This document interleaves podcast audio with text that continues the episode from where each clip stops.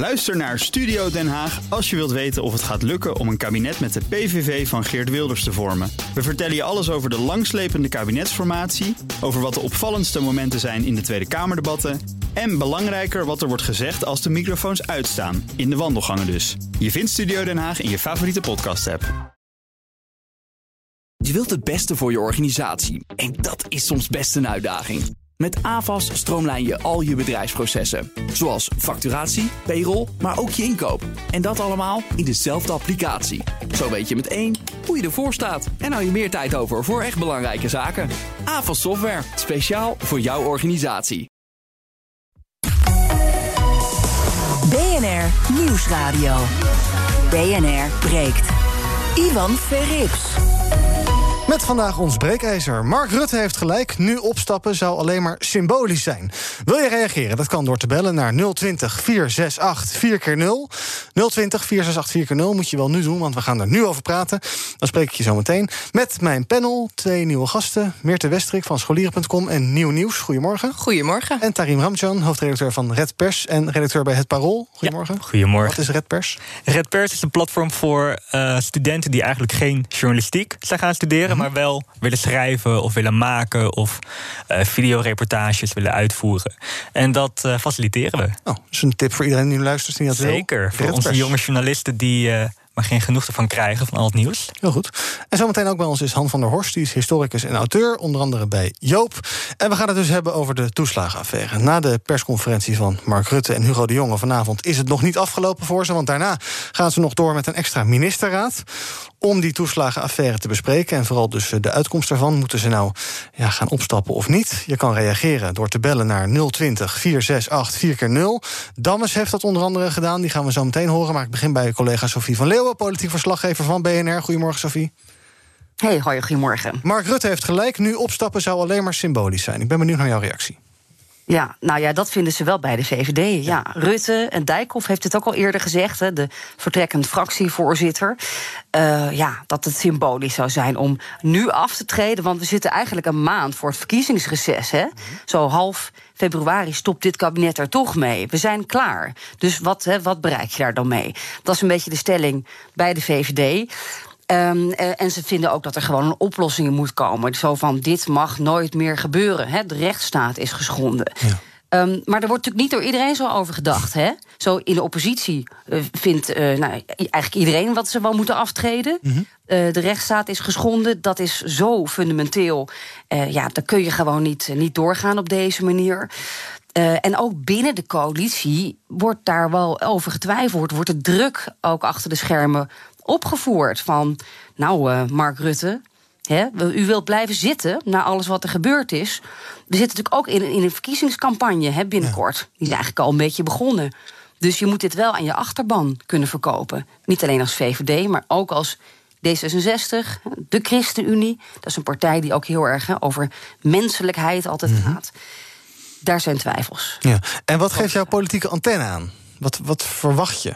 Rutte verwijst geloof ik naar vrijdag, hè? maar ja, het is wel vrijdag spannend wordt voor die tijd. ook over gesproken. Hè? Dus we, we, hebben vanavond een, een extra um, ministerraad. We hebben er vrijdag nog eentje. En dan gaan we natuurlijk toe naar het debat in de Tweede Kamer hierover.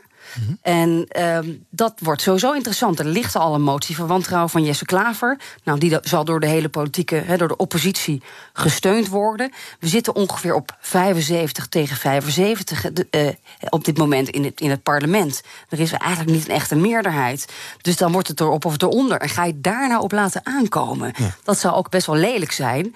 En ik denk zeker als zo'n minister als Sigrid Kaag namens D66... dat je dat dan laat afkomen op dat je dan toch nog net, misschien net sneu of op het randje met je hakken over de sloot. Ja. Uh, dan nog door mag voor die paar extra weken. Uh, ik, ik, denk dat, dat dat. Ik vraag me af of D66 het daarop aan gaat laten uh, komen. En, en dat, dat, gaat nu achter de schermen gebeuren. Um, moet misschien Rutte toch nog eens even twee keer nadenken ja. over aanblijven. Het is ook coronacrisis, hè, dus je kunt ook zeggen: jongens, we blijven gewoon nog twee weken. Het maakt allemaal niet uit. En we zijn met de crisis bezig. En sorry. Dat is de, het andere kant van het verhaal. En er wordt natuurlijk gekeken naar een inhoudelijke oplossing. Hè. Die moet er komen. A, voor de ouders, maar ook, ja, hoe voorkom je zoiets? En dan hebben we het ook bijvoorbeeld over de informatieplichten die het kabinet heeft. Ze moeten de Kamer beter informeren, de pers beter informeren. De Rutte-doctrine wordt ook wel over gesproken. Ga je nou je ambtenaren beschermen? Hè, op deze manier. Wil je reageren? Bel dan nu naar 020 468 4 keer 0 Spreek ik je zo meteen. De breekijzer is: Rutte heeft gelijk. Opstappen om de toeslagenaffaire zou alleen maar symbolisch zijn. Uh, we zijn inmiddels bijna een maand uh, nadat, uh, na die commissie van Dam, nadat zij met dat rapport kwamen. Rutte die stelt het maar uit. Voor mijn gevoel zei hij aan het begin: nee, we moeten er eerst nog even goed naar kijken. Zei hij halverwege: nou, we zijn er nu naar aan het kijken. En nu zegt hij: het is te laat. Ja, dan kan je nooit weg. Ja, het is, uh, dat is inderdaad te laat. Het is een beetje makkelijk om nu te zeggen dat het nu te laat ja. is. Hè, inderdaad, terwijl je het eerder een beetje voor je uitschuift. Maar goed, uh, er, er, wordt ook gekeken naar de inhoud. En ja, ik denk de grote vraag is... kun je met een, hè, een hapklare oplossing komen, zo nu, uh, op dit moment? Kun je dit grote probleem... het gaat ook over de onafhankelijkheid van de rechtsstaten... de Raad van State. kun je wegkomen met misschien een onderzoek of een commissie... Hè, dat dan weer in een, in een la dreigt te verdwijnen daarna. Is dat genoeg? Is dat genoeg om uh, het, het pijn dat die duizenden ouders uh, is aangedaan, ja. om dat te verzachten? En, en moet je die mensen toch niet gewoon, toch juist wel een symbolisch ge gebaar geven als kabinet. Uh, dat, daar is natuurlijk ook heel veel voor te zeggen. En het zou me niet verbazen als het daar alsnog op aankomt. Maar ja, dat weten we binnen nu en een week. Ja, ik ongeveer, ga, denk ik. zie hier in de studio twee knikkende hoofden. Daar ga ik het zo aan vragen. Dankjewel, Sophie. Het breekijzer dus, jij kunt reageren. Mark Rutte heeft gelijk. Nu opstappen zou alleen maar symbolisch zijn. Um, zoals ik al zei, in mijn panel Tarim Ramjan en Meerte Westrik. Um, eerst maar even aan jullie vragen. Uh, Tarim, uh, ja, jullie, jij knikt dus. De, moet, moet hij weg? Nou ja, kijk, hij heeft een punt dat het symbolisch zou zijn. Maar ik, ik mis een beetje de logische stap tussen. Daarom moet je het dan maar niet doen. Mhm. Mm -hmm. um, wat Sophie denk ik terecht zegt. Is ja, je kunt nu tussen nu en de verkiezingen niks inhoudelijks bewerkstelligen. Uh, we hebben die compensatie gezien, die voor uh, veel gezinnen ook nog niet voldoende is. En uh, nou ja, uit het rapport zie je ook dat er gewoon daadwerkelijk wat dingen moeten veranderen. Ook in de houding van de regering ten aanzien van die inlichtingenplicht. Um, maar uh, in het aftreden zit altijd wel een soort symbolisch element. Um, en ik denk dat het eigenlijk juist in het voordeel van deze regering zou kunnen werken door verantwoordelijkheid te nemen. Door te zeggen van oké, okay, wij respecteren die rechtsstaat. Uh, wij zien de fouten die we hebben gemaakt. Uh, en we geven daar gevolgen aan. want dat is denk ik het beste wat je nu kunt doen. Um, en het beëindigt ook alle controverses zo vlak voor de verkiezingen. Of beëindigt weet ik niet, maar tempert het wel. Ja. dus ik zie eigenlijk in die zin alleen maar voordelen uh, aan dat, dat ja, misschien toch wel aftreden. Ja, en dat symbolisch is, is dan niet zo erg. Nou ja, er zit altijd een symbolisch element ja. in. En ik denk dat. Uh, ja, maar goed, als je halverwege een, uh, een kabinet aftreedt, dan heeft het natuurlijk veel grotere gevolgen. Nu ben je bijna bij de verkiezingen. Ja, nou ja, goed, dat maandje. Ja. Ja, nou ja, fair enough. Aan de andere kant kun je ook zeggen midden in de coronacrisis aftreden. Want we zijn er nog lang niet hè, bij het einde. Uh, dat is ook een argument dat wel eens tegen wordt gebruikt. Van ja, een demissionair kabinet kan dat dan nog besluiten nemen in de coronacrisis. Nou ja, het is een noodsituatie die al een tijdje voortduurt. Maar nog steeds een noodsituatie, dus dat kan. En het kan juist daardoor extra moedig zijn om in de coronacrisis zo'n besluit te nemen. Ik weet ja. Mirza, wat vind jij van het breekijzer? Ik ben het er heel saai best wel uh, mee eens. um, ja, het is volgens mij het argument dat nu ook een beetje gebruikt wordt, is uh, het, het is symbolisch, dus inderdaad moeten we het niet doen. Mm -hmm. Terwijl wat Tarim heel terecht zegt, denk ik, uh, aftreden is heel vaak een beetje symbolisch. Um, en door af te treden kun je wel echt aangeven van hé. Hey, uh, we nemen die verantwoordelijkheid, die politieke verantwoordelijkheid hiervoor. Dat is al door heel veel mensen gezegd. Um, en het argument wat daarbij ook vaak gebruikt wordt, is ja, deze mensen weten ook hoe het opgelost moet worden. Deze mensen gaan het ook oplossen. Terwijl aan de andere kant, er zijn bijna verkiezingen. Dat kabinet gaat er straks sowieso heel anders uitzien. Ja. Dus er komen sowieso andere mensen voor in de plaats. Tenminste, waarschijnlijk, die uh, hier oplossingen voor gaan aandragen. Um, dus ik, ik vraag me inderdaad af, waarom is het erg dat het symbolisch is? Dat lijkt me ook inderdaad beter voor het kabinet om gewoon te zeggen: hey, uh, we nemen die verantwoordelijkheid. Dan heb je schone handen. Dan kun je eigenlijk ja, uh, daar weer heel open ingaan. En ik vind het nog wel interessant dat Rutte eigenlijk nu aan het peilen is binnen de coalitie. Hé, hey, wat gaan jullie doen? Willen jullie een motie van wantrouwen mm -hmm. steunen of niet? Wat ik best kwalijk vind eigenlijk, want dat komt sowieso al niet meer echt vanuit henzelf, vanuit eigen overtuiging van we moeten dit doen. Ja. Ja. Um, en wat ik nog wel een, een leuk zijstapje vind, is dat bijvoorbeeld een Ascher nu zegt: een motie van wantrouwen, die ga ik misschien wel steunen. Terwijl ik zoiets heb, volgens mij is dat niet heel geloofwaardig, omdat. Um, nou ja, daar is ook heel veel over gezegd. Hij is als minister van Sociale Zaken natuurlijk hier ook bij betrokken geweest. Officieel niet verantwoordelijk door die uh, ministeriële verantwoordelijkheid. Ja. Maar indirect wel gewoon verantwoordelijk. En die hele PvdA-fractie staat eigenlijk, die heeft een motie getekend. waarin gezegd wordt: hé, hey, we willen gewoon dat jij lekker lijsttrekker blijft. Ik denk dat dat ook heel slecht is voor de PvdA als ze dat uh, doen. Dat vind ik nog een interessante zijstap. Ik ga even naar historicus Han van der Horst van Joop. Uh, goedemorgen, Han. Goedemorgen. Ik geloof, uh, ik heb zo jouw stukjes gelezen op Joop, dat jij ook vindt dat ze weg moeten, hè, het hele kabinet. Uh, ja, ik, uh, het is een het, het, vorige er is één precedent. Dat is het aftreden van het kabinet Kok in het kader van het Srebrenica-rapport. Dat was ook symbolisch. Dat was ook vlak voor de verkiezingen. En daarna verliet Kok de politiek. Dat was hij natuurlijk toch al van plan geweest. Maar het is wel een voorbeeld wat ik Rutte zou willen voorhouden. het symbolische aftreden krijgt pas betekenis als hij de politiek verlaat. Net zoals zijn partijgenoot Wekers dat heeft gedaan. En datzelfde geldt voor Wopke Hoekstra en voor Asja. Die drie politici hebben hun geloofwaardigheid verloren. Ik heb drie bellers aan de telefoon, die zijn het allemaal met je oneens. Dammers, goedemorgen. Ja, ja goedemorgen, maar radio uitzetten. Ja, moet je luisteren. Ik, uh, ik vind er gewoon dat uh, door moet gaan de, het kabinet Rutte is natuurlijk de niet onder de niet-zeggendheid. Van, uh, hij ontsnapt aan alles wat aan de kaak stelt. En uh, ja, Jesse Klaver is eigenlijk een schabloon, meer ook niet. Nee, je kijkt die ambtenaren en de, de regering. Die hebben helemaal niet de, de, de, intentie gehad om die mensen dat aan te, uh, aan te doen. Ja. En dat zijn gewoon menselijke fouten. We leven nog in een goede maatschappij. En er zat een tendens in, een geur, om ja, de lagere mensen een beetje verdacht te maken. de maatschappelijk lagere mensen. Maar uiteindelijk moet het gewoon hersteld worden. Maar ja, het, idee, dus, het, idee, van verantwoordelijkheid is dat je dan uh, daar dus verantwoordelijk voor bent. Of het nou met, met, welke intentie het ook geweest is. Ja, ja nou, maar dan, geef je toch, dan beken je toch wat er gebeurd is. Luister, ik ben van de Partij van de Arbeid, stem ik altijd. Ja. Ik ben 80 jaar, ik doe het al heel lang. Ik, ik loop niet echt met de Partij van de Arbeid. En ook niet met Asscher. Maar ja, ze moeten gewoon het boetekleed aantrekken en zeggen, joh, zo en zo. En uh, dan kunnen we het de volgende keer voorkomen. Ja, Han, waarom is dat niet genoeg? Uh, omdat in dat geval uh, degenen die het probleem veroorzaakt hebben ook gevraagd worden het probleem op te lossen. Dat gaat meestal mis. Uh, als in het bedrijfsleven of bij de ambtenarij iemand in een lagere positie ongeveer 10% van deze schade had aangericht, was die ontslagen zonder meer. Dus ik denk dat na tien jaar het wel genoeg is geweest. Tien jaar er niks van gebakken op dit gebied. Een groot schandaal veroorzaakt, zeer grote schade gedaan, de rechtsstaat in gevaar gebracht. Dan kan je niet meer in de politiek blijven. Ellie Borst, goedemorgen. Uh, goedemorgen. Hallo. Ja, dat ze, dat ze moeten blijven zitten, Ik, uh, ik dacht, ik wacht het nog even af. Ja. Wat, uh, wacht, wat afwachten? Uh, of ik wel of niet in uitzending. Nou, je bent er nu. Ja, ja ik ben er nu. Uh, even kijken, mijn reactie is dat ik eigenlijk. Oh, wacht even, ik verstond het verkeerd. Sorry.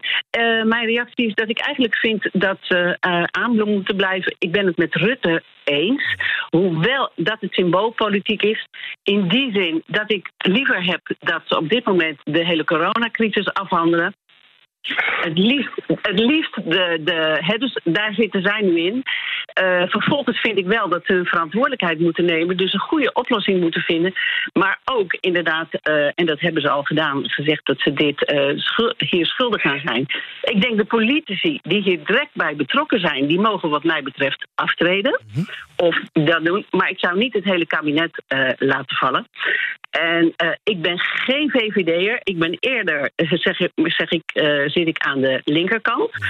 Uh, maar ik denk dat het ook op dit moment aangegrepen wordt om vervolgens uh, zeg maar eigen campagnes te ondersteunen. Ja, er komt een mailtje binnen, die moet je even beantwoorden, denk ik. Jung, goedemorgen. Hi, goedemorgen. Zeg maar. Ja, nou, ik ben. Um, ik, ik, ik, ik, bekijk het op een andere manier. Um, de mensen die de ellende hebben veroorzaakt, die straf je niet zozeer volgens mij door nu te zeggen van jullie moeten weg. Maar ik zou eerder zeggen, jullie moeten eh, alles wat in jullie macht zit, totdat de verkiezingen zijn, moeten jullie voor zorgen om het eh, probleem op te lossen.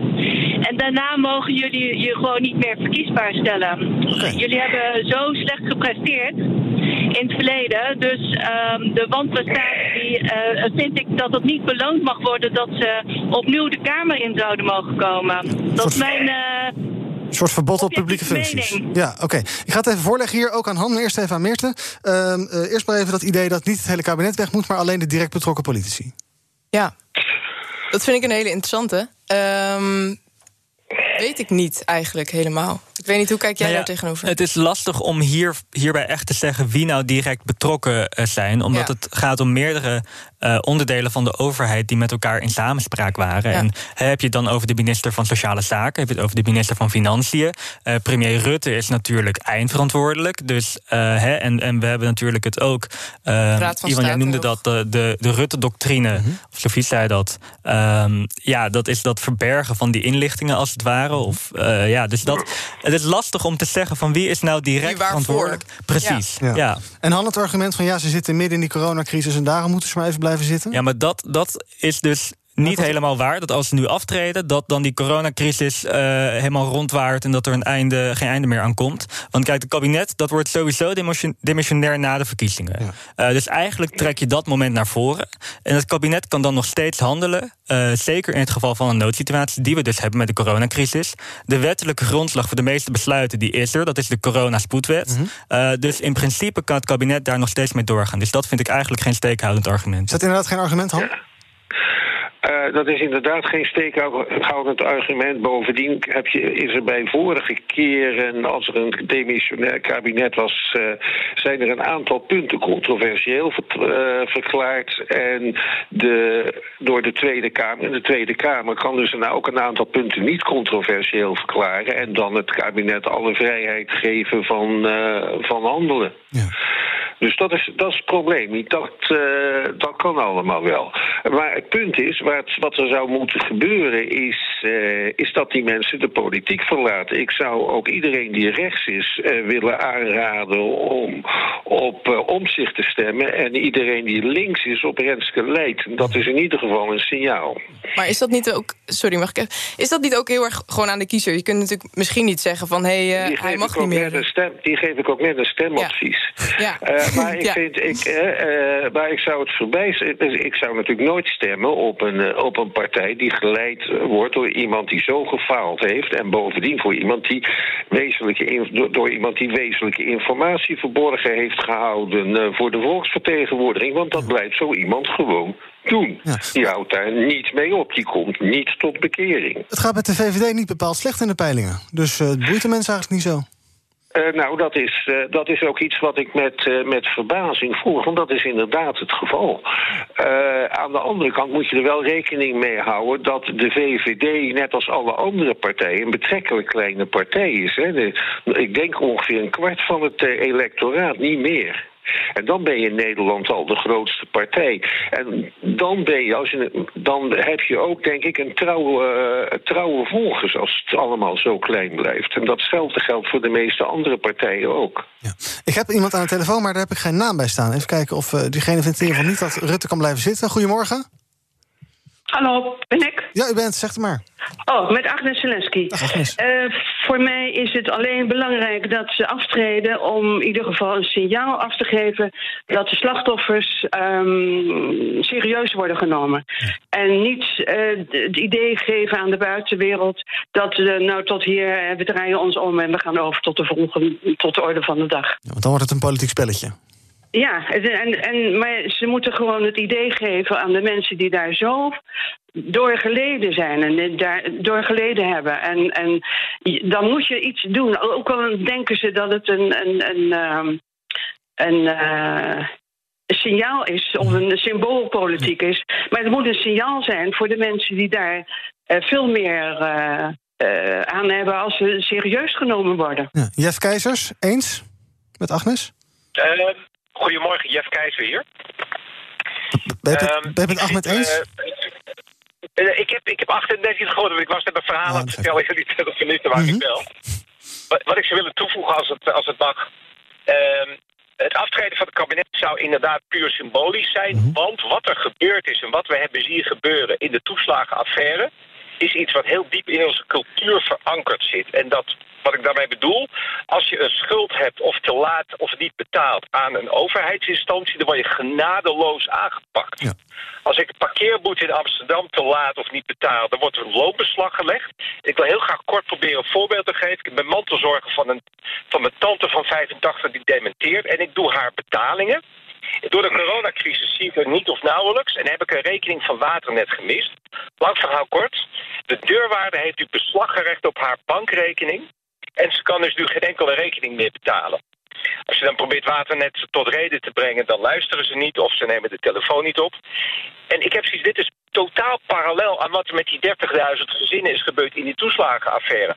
Als je verkeersboete te laat betaalt, dan wordt die verviervoudigd op een gegeven moment. En dan, dan zit je gewoon in een fuik waar je niet meer uit kunt. En dat zou de Nederlandse overheid structureel moeten veranderen. Waarbij ik niet zeg dat mensen hun boetes niet gewoon op tijd moeten betalen. Daar pleit ik niet voor. Eens, Han? Heel erg eens. Het is overigens uh, niet zo verschrikkelijk traditioneel, want het is gevolg van een, uh, een wet eh, uit de jaren 70 of 80 geschreven door de secretaris-generaal van Justitie, die ook eens een keer van macht heeft ontslagen.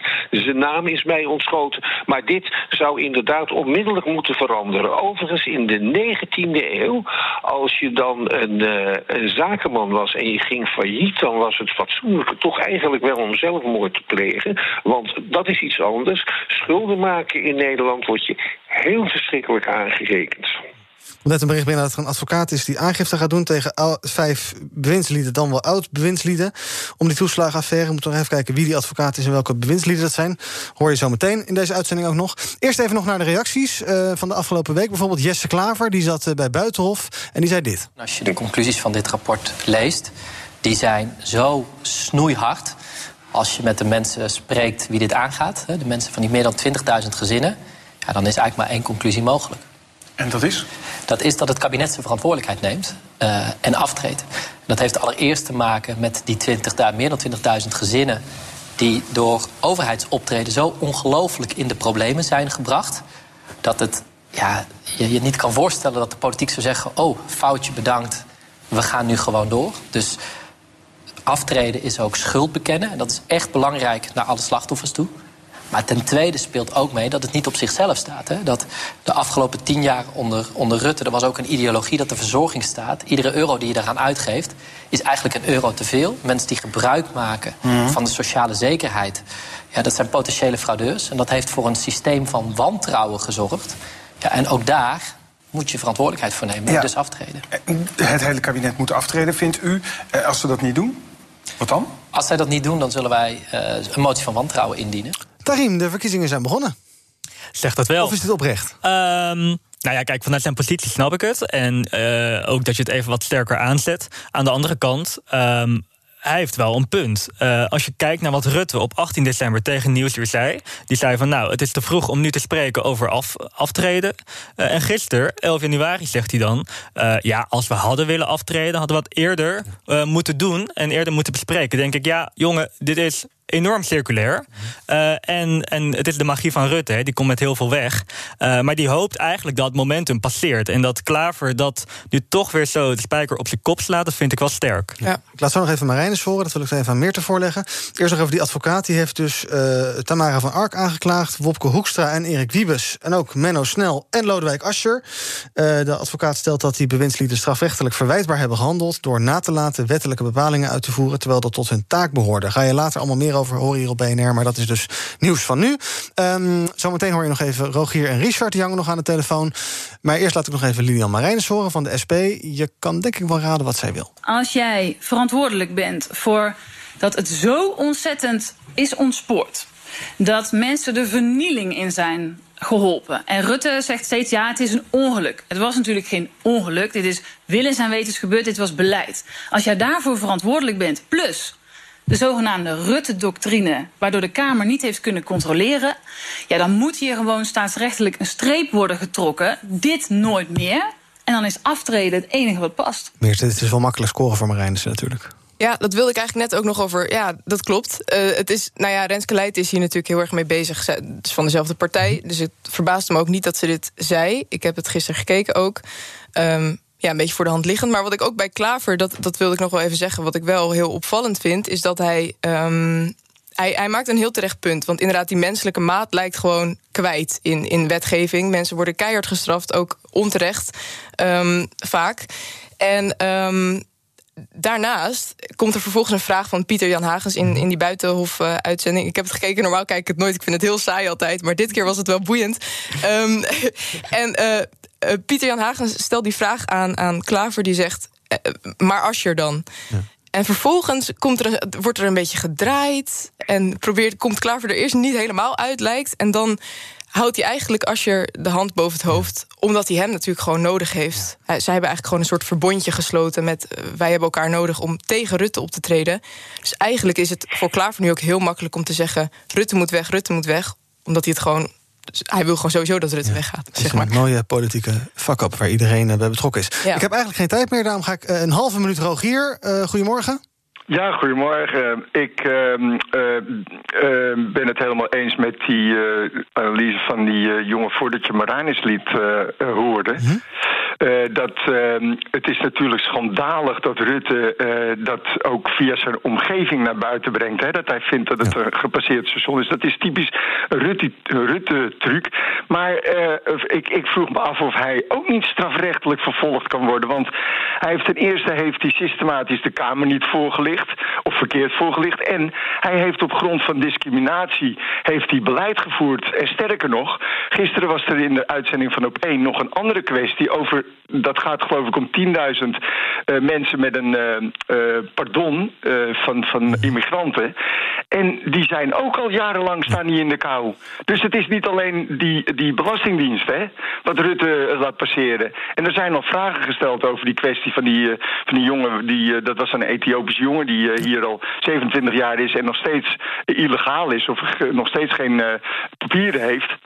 Duidelijk, Rogier. Ja, nee, heel, nee, ik, ik, snap je punt. Uh, die, die advocaat Groeneveld die heeft hem niet aangeklaagd... maar we zullen hem vastspreken later vandaag... en dan kunnen we ook even vragen waarom die Rutte eigenlijk niet op de korrel genomen heeft. Tot slot heel kort nog. Richard, jij vindt ook dat Rutte weg mag, hè? Ja, zeker, ja, zeker.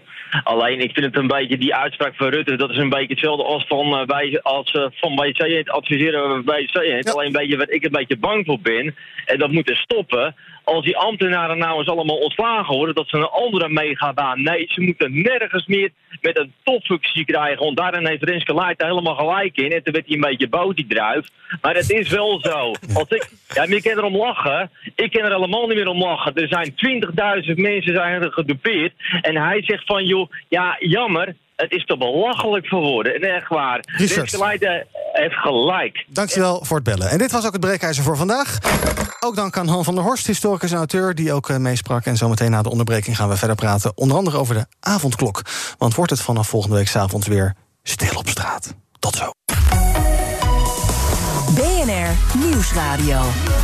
BNR breekt. Ivan Verrips.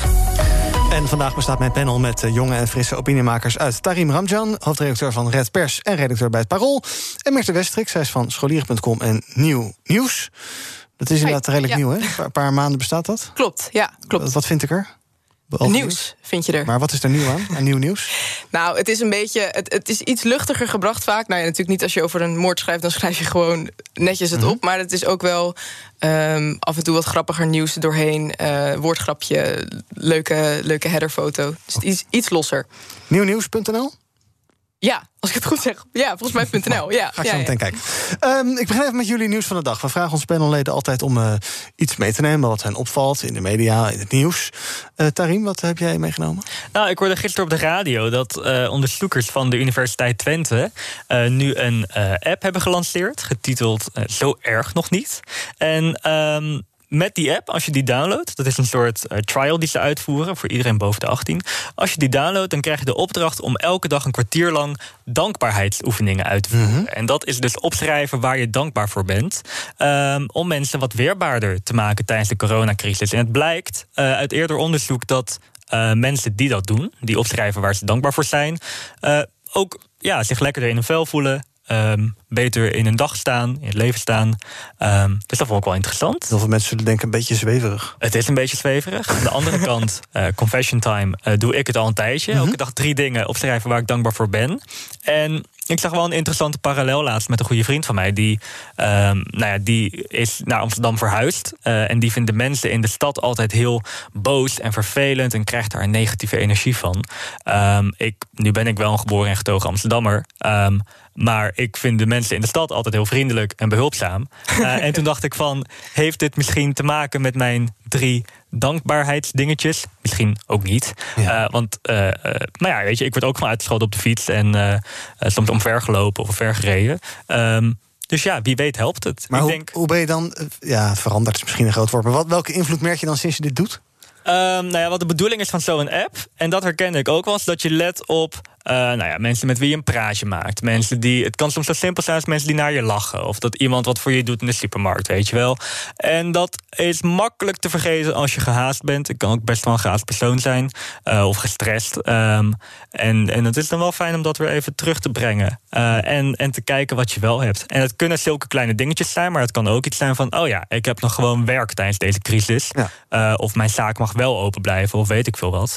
Ja, ik kan jullie vertellen, ik werd net heel vrolijk begroet hoor. Dus volgens mij eh, Werkt werkt het wel. Ja. Iets voor jou, Meerte? Zo erg nog... Zen is de afkorting, hè? Z-E-N-N. Ja. Zo erg ja. nog niet? Werkt het? Iets voor jou? Meerte? of ben je al heel erg zen? Ehm, Ik, ik ben ontzettend zen. Ik zit hier. eh, nou, Ik voel het ook, Mijn moeder ja. heeft. eh, ik weet dat ze luistert. Hoi, mam. Eh, mijn moeder heeft laatst ook ineens zoiets geïnitieerd aan de, aan de, aan de eettafel. Van hey, ik wil dat jullie allemaal ehm, één ding gaan noemen bij het avondeten waar jullie dankbaar voor zijn. Op zich vind ik het wel een hele mooie gedachte. Ja, dat je gewoon ziet van hey, deze dingen gaan goed. En het is ook een vrij concrete tip misschien wel.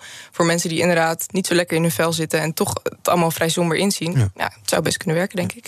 Wat, heb jij, wat is jou opgevallen in, eh, in de media? Of in het Ja, nieuws? ik heb je vraag een beetje omgedraaid. Ik heb eigenlijk iets. Ik, ik maakte me gisteren ergens boos over. En eigenlijk, eh, ik ben niet heel vaak boos. Dus nou komt Meer het. die app gebruiken. Ja.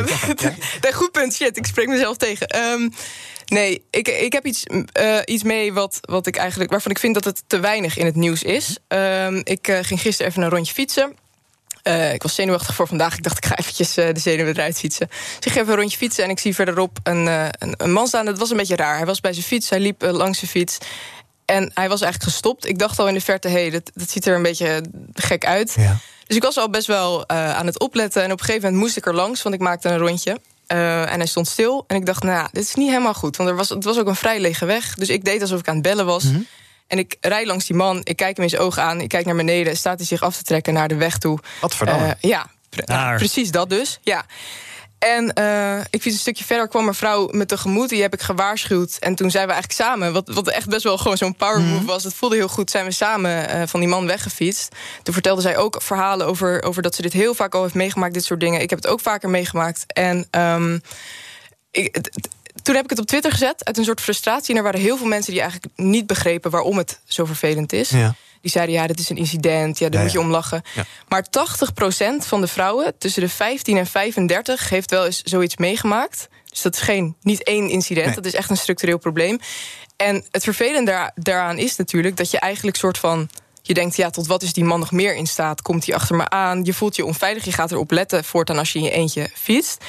En af en toe richting de verkiezingen komen er eh, weer wat politici die zeggen: hé, hey, ja, hier, dit is een probleem, hier moeten we echt wat mee doen. En dan als de verkiezingen voorbij zijn, dan zwakt het weer een beetje af. En dan komt het steeds minder in het nieuws. Er komt er misschien af en toe een petitie, wat heel goed is, komt weer in het nieuws.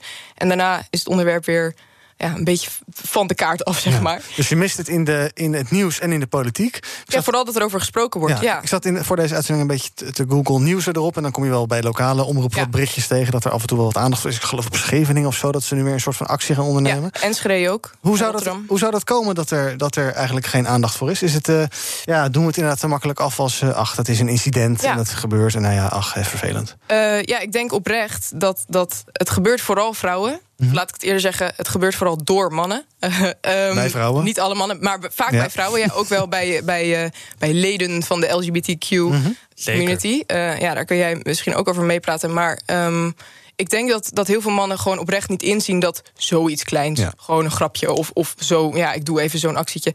dat ze niet inzien dat het echt wel een grote impact kan hebben op hoe vrouwen daarna de volgende dag weer over straat gaan en de dag daarna en hoe ze zich daarop aanpassen. Dus ik denk dat dat echt iets, iets is waar, waar veel meer over gesproken moet worden en ook wat dat doet met vrouwen, dat dat heel belangrijk is om eh, daar meer aandacht aan te besteden. Ik hoor je dit bevestigen, Tarim? Nou ja, ik wilde je vragen. Zijn, Ja. Waren er echt mensen die zeiden: hier moet je om lachen? Nou, er waren ook vrouwen overigens. En die bedoelen het echt. Het, het, het is niet met de slechte bedoelingen, geloof ik niet. Maar inderdaad, van ja, ja, dat is een gek, daar moet je om lachen. Terwijl ik dan denk. copingmechanisme van: oké, ik, ik moet dit maar even verwerken of zo, of achter me laten. Bij heel veel dingen kan ik dat ook heel goed hoor. Gewoon erom lachen. Maar ik dacht hier, ja, maar dit is geen incident. Want dus echt oprecht 80% van de vrouwen heeft wel zoiets meegemaakt eh, Ja. van rond mijn leeftijd. Nou, dat vind ik niet een incident te noemen. Nee, dat lijkt me zeker niet. Ja, Dus dat was mijn, mijn iets minder positieve onderwerp dan, eh, dan die van jou. Maar, eh, Maar ja. wel heel belangrijk, ja. Ja. We gaan een rondje trending op social media doen. Demming is weer eens terug op social media. Ja, daar gaan we het verder niet over hebben. Het weer, Pieter Omtzigt, Feyenoord... en ook de hashtag thuisonderwijs eh, zien we weer terugkeren. Ehm, die pakken we er even bij, gaan we even iets uitgebreider over praten. Felix Rottenberg, die is inmiddels eh, voorzitter van de branchevereniging Kinderopvang. Die zat gisteren bij Op 1 en zei daar het volgende over. Het is niet niks, die kinderen thuis, zo lang. En dat digitale onderwijs, dat is een mooi hulpmiddel. Maar voor de voorbereiding op de toets... of voor de voorbereiding op je eindexamen... dat gaat niet helpen. En dat is, echt, dat is echt een groot punt. Het, gaat, het, het raakt ook de kansarme gezinnen... Kinderen met minder mogelijkheden. Dat blijkt uit al het wetenschappelijk onderzoek. Ja, daar maakt iedereen zich, en dus ook wij, ons grote zorgen over. Dit gaat natuurlijk over het heropenen van scholen. Eh, we gaan vanavond horen dat die lockdown langer gaat duren. Waarschijnlijk nog een week of drie. Middelbare scholen blijven sowieso tot het eind van die lockdown dicht. Basisscholen kunnen misschien ietsjes eerder open. Afhankelijk van een onderzoek naar corona onder kinderen. Vooral die Britse mutant.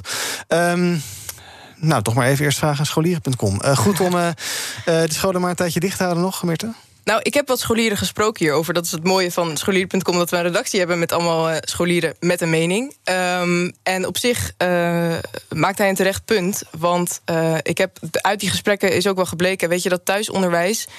Leerlingen zijn veel minder gemotiveerd, doen eigenlijk naast dat echt, echt die les doen ze weinig. En eh, hebben ook echt wel een leerachterstand opgelopen van vorig jaar. Ik heb wat eindexamenleerlingen gesproken die dus echt nu nog bezig zijn met nieuwe stof in plaats van herhalen van de stof, wat eigenlijk nu het geval zou moeten zijn. Ehm, maar uit die gesprekken bleek ook wel dat ze wel de noodzaak ervan inzien. Ze zeggen ja, eh, code zwart op de, op, daar zitten ze tegenaan op de zorg. Kijk, weet je, dan heb ik liever dat ik nog eventjes wat langer eh, achter mijn laptopje zit, dan dat er straks allemaal mensen de zorg ontzegd moet worden eigenlijk. Ja, dus het is een soort noodzakelijk kwaad. Zien ze wel, ja. En één iemand zei nog wel terecht, dat vond ik nog wel mooi. Dat is misschien wel een tip voor, eh, voor Mark Rutte voor vanavond. Hij luistert, denk ik. ik, ik denk het ook. Ehm, benoem dat je met jongeren hebt gesproken. Dat vonden ze heel belangrijk. Want dat missen ze heel erg. Het idee dat het een beetje van bovenaf allemaal besloten wordt over hen. In plaats van dat het van binnenuit ook van de scholier komt. Daar is LAX natuurlijk een, eh, ook een, een grote factor in. Benoem gewoon dat daarmee gesproken is. En dan is, dan is het al veel begrijpelijker, zeg maar, voor ze. Ja. Daarin allerlei eh, verenigingen en clubs en betrokkenen... die roepen altijd dat dit schade oplevert, hè, dat die kinderen thuis zitten. En ja, ook in allerlei eh, situaties waarbij je niet eh, misschien een fijn dedicated bureautje hebt om aan te werken. En ik zag ook, eh, eh, misschien ook wel gezien, de serie Klassen. Ja, ik wil, ik wil het eigenlijk al over hebben. Dat, dat Bizar hoe mensen daar op banken zitten met honden en katten en kinderen. En dat je denkt, ja, eh, kan als je dat ziet, kan je best wel goed voorstellen dat er ja, gewoon te weinig gebeurt. Ja, het meest bizarre is nog dat die serie is opgenomen in Amsterdam-Noord. Eh, en dus binnen één stadsdeel of eh, een, een, een, eh, een groep wijken eigenlijk... dat je al zulke verschillen ziet. Dat het ene kind gewoon een hele kamer tot zijn beschikking heeft... en eh, alle technologische hulpmiddelen die hij wenst. En in de andere kamer zit inderdaad een meisje met broer en zus op één bank... op drie hoog achter, met slecht internet. En dat, dat, ik moet zeggen, totdat ik die aflevering van Klasse zag... dat was vorige week maandag, had ik eigenlijk niet door... dat, ehm, dat thuisonderwijs zoveel problemen met zich meebrengt. Eh, want ik heb het dan als student ook nog relatief makkelijk. Het is al veel zelfstudie eh, voor mij. Ehm, maar dat, dat hoor je vaker, dat corona ook bestaande ongelijkheden verscherpt. En dat blijkt maar weer. Wie moet er iets aan die ongelijkheid doen? Uh, nou, dat is een heel, heel lang proces. Los jij het even Nee, maar op? is, dat, is, dat, is dat Arie Slop of zijn het de gemeentes? Of ja, eh, Nou ja, ik, ik wil wel, eh, als ik hier toch zit, de gemeente Amsterdam daarin een compliment geven. Want die heeft wel ervoor gezorgd, meteen in april, eh, dat er 3000, geloof ik, eh, laptops beschikbaar kwamen voor kinderen in kwetsbare gezinnen. En ook kinderen in, eh, nou ja, in dergelijke situaties. Die konden ook naar een aantal scholen toe eh, om toch even weg te zijn. Eh, dus eh, ja, het ligt denk ik als eerste bij gemeenten. En scholen die doen volgens mij al wat ze kunnen. Nog een minuutje of eh, elf is dit eh, programma BNR Breekt Er. En daarna is hier eh, BNR Zaken doen te beluisteren. En Thomas van Zel presenteert dat. Goedemorgen, Thomas. Goedemorgen, Ivan. Wie heb jij te gast vandaag? Connie Helder. Zij is bestuurder van Actis, de branchevereniging voor de zorgorganisaties. En ook bestuurder van Tante Louise. Die hebben huizen in West-Brabant voor ouderen. En de grote vragen zijn natuurlijk: hoe zit het nou precies met die vaccinatiestrategie? Maar het grotere verhaal is natuurlijk de vergrijzing die eraan komt. Dat wist iedereen al decennia lang. Nu is het eh, bijna zover en blijkt dat er grote tekorten zijn in de zorg. die niet zomaar kunnen worden opgelost. En wat betekent dat nu voor mensen die nu oud zijn, maar ook mensen die over een jaar of 10, 20 oud zijn? Kunnen die nog rekenen op goede zorg? Daarover ga ik eh, met haar praten. Maurice van Tilburg komt ook. Hij is eh, directeur bij TechLeap NL, verantwoordelijk voor de start-ups in Nederland, belangenbehartiger. Eh, hij heeft een verleden als de CEO van Euronext, de beursuitbater. En hij maakt zich nu sterk voor extra kapitaal. Voor Startups die zich bezighouden met de klimaatverandering, want die komen niet aan voldoende geld. We beginnen zo meteen met eh, Locatus. Dat is een marktonderzoeker die heeft uitgezocht dat er relatief weinig winkelleegstand is, terwijl er toch van andere verwachtingen werd uitgegaan. De verklaringen hoor je zo meteen in eh, BNR Zaken doen. Klinkt als een vol programma. Zo is het. Tussen 12 en 2 Zaken doen hier op BNR. BNR breekt. Ivan Verrips. Vandaag met ons panel, dat bestaat uit Meerte Westerik van scholieren.com en Nieuw Nieuws. En Tarim Ramjan, hoofdredacteur van Red Pers en redacteur bij het Parool. Het valt me nu pas op dat jullie allebei twee banen hebben. Is dat eh, noodgedwongen of is dat... eh, Dat is onze generatie, hè? Ja. moeten overal op inzetten. Red je, het, red, je, red je het daarmee of eh, is het, dan moet nou, nog mijn een baan bij? studie ehm, is wel een beetje uit beeld verdwenen ondertussen. Maar verder gaat het goed. Ja. Hoe lang ben je al bezig? Ik zit nu in mijn tweede jaar. Oh, dus je, hoeft, niet- je, hoeft, je hebt geen, Dus je uit- kunt nog hebt tien geen jaar uitloop nog. Ja, precies. Ja, oké. Goed, jongens, we gaan praten over de avondklok. Eh, vanavond om 7 uur weer een persconferentie van Rutte en de Jonge. Vanochtend eh, hoorden we via RTL Nieuws en daarna ook bronnen bij het ANP... dat het kabinet nu echt wel serieus een avondklok zou overwegen. Dat zou dan begin volgende week ingaan.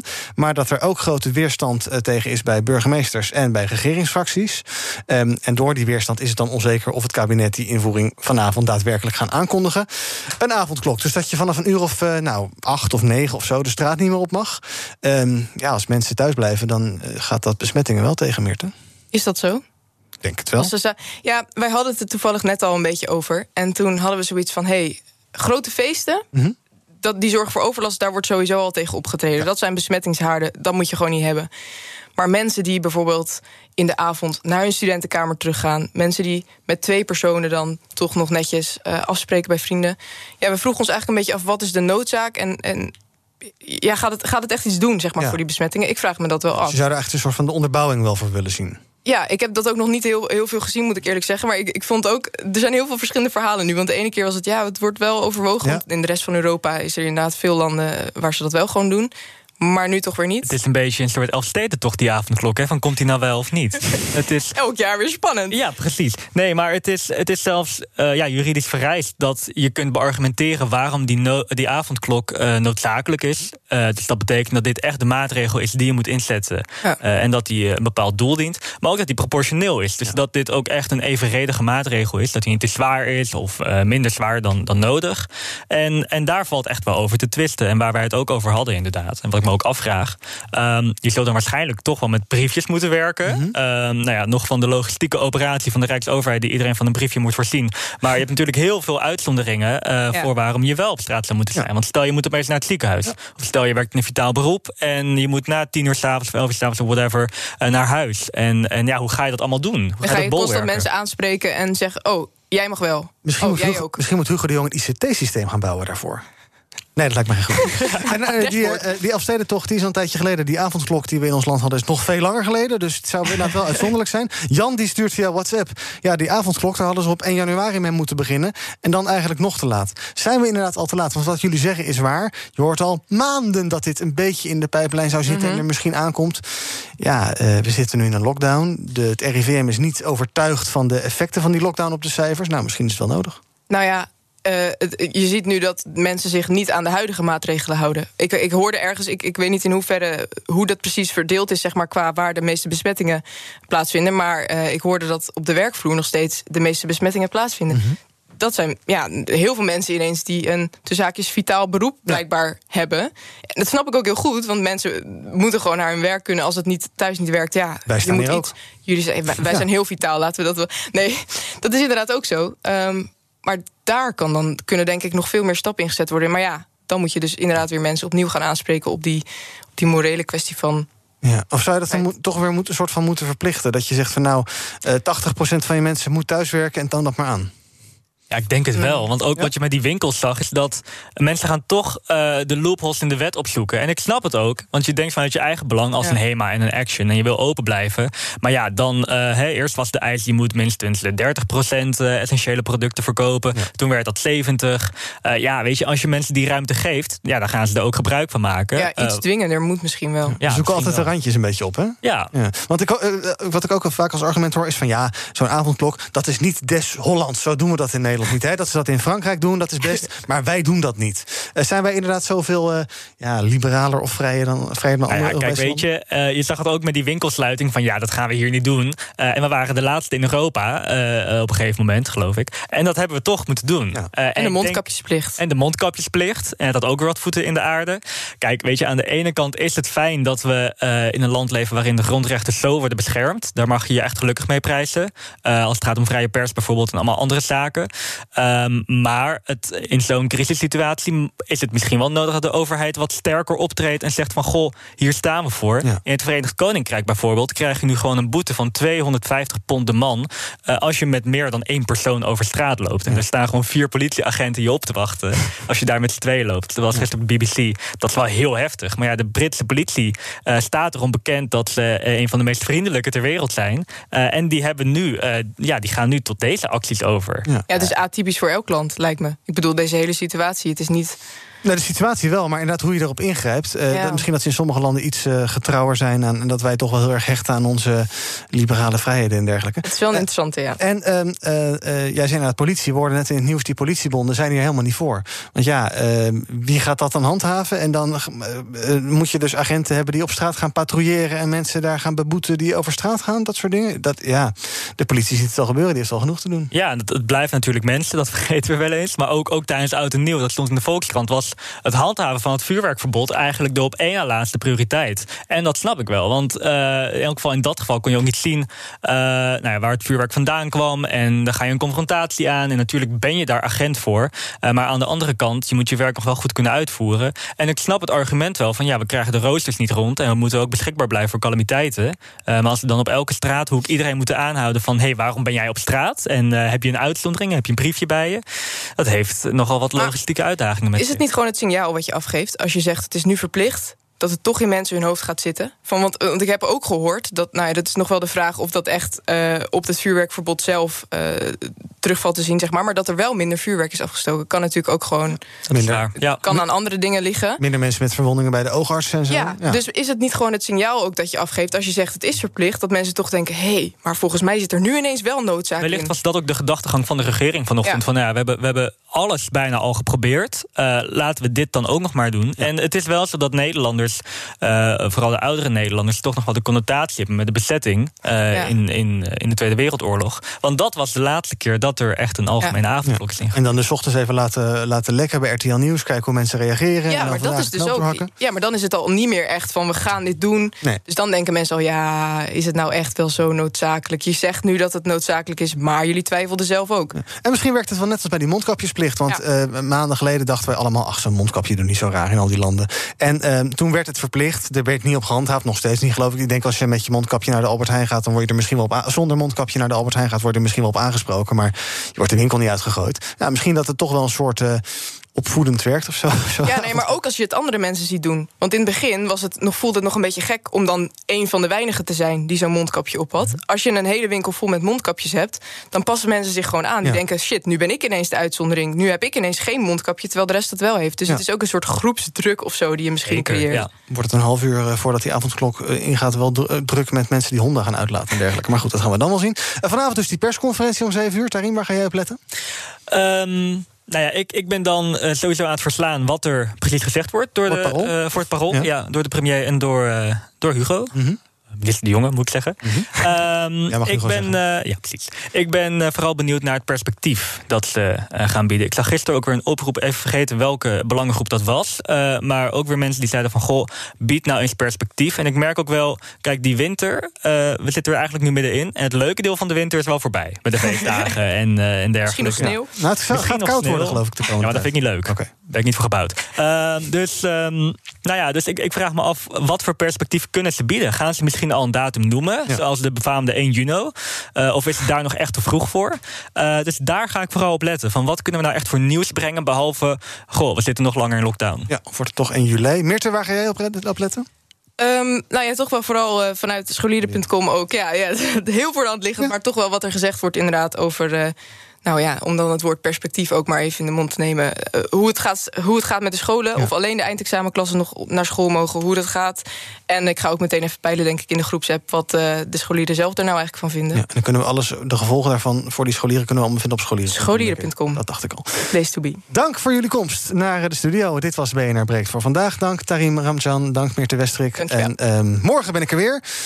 Als het nog mag van Mark Rutte, maar ik denk het wel. En tot die tijd kan je ons volgen op de socials. Op BNR op Twitter, op BNR Nieuwsradio op Instagram... en natuurlijk op bnr.nl. Zometeen is Thomas van Zel hier, dat mag zeker. Hij presenteert BNR Zaken doen. Tot morgen. Ook Harm Edens vind je in de BNR-app. Je kunt BNR Duurzaam niet alleen live luisteren in de app, maar ook terugluisteren als podcast, zoals al onze podcasts. En naast dat de BNR-app Breaking News meldt, houden we je ook op de hoogte van het laatste zakelijke nieuws. Download nu de gratis BNR-app en blijf scherp.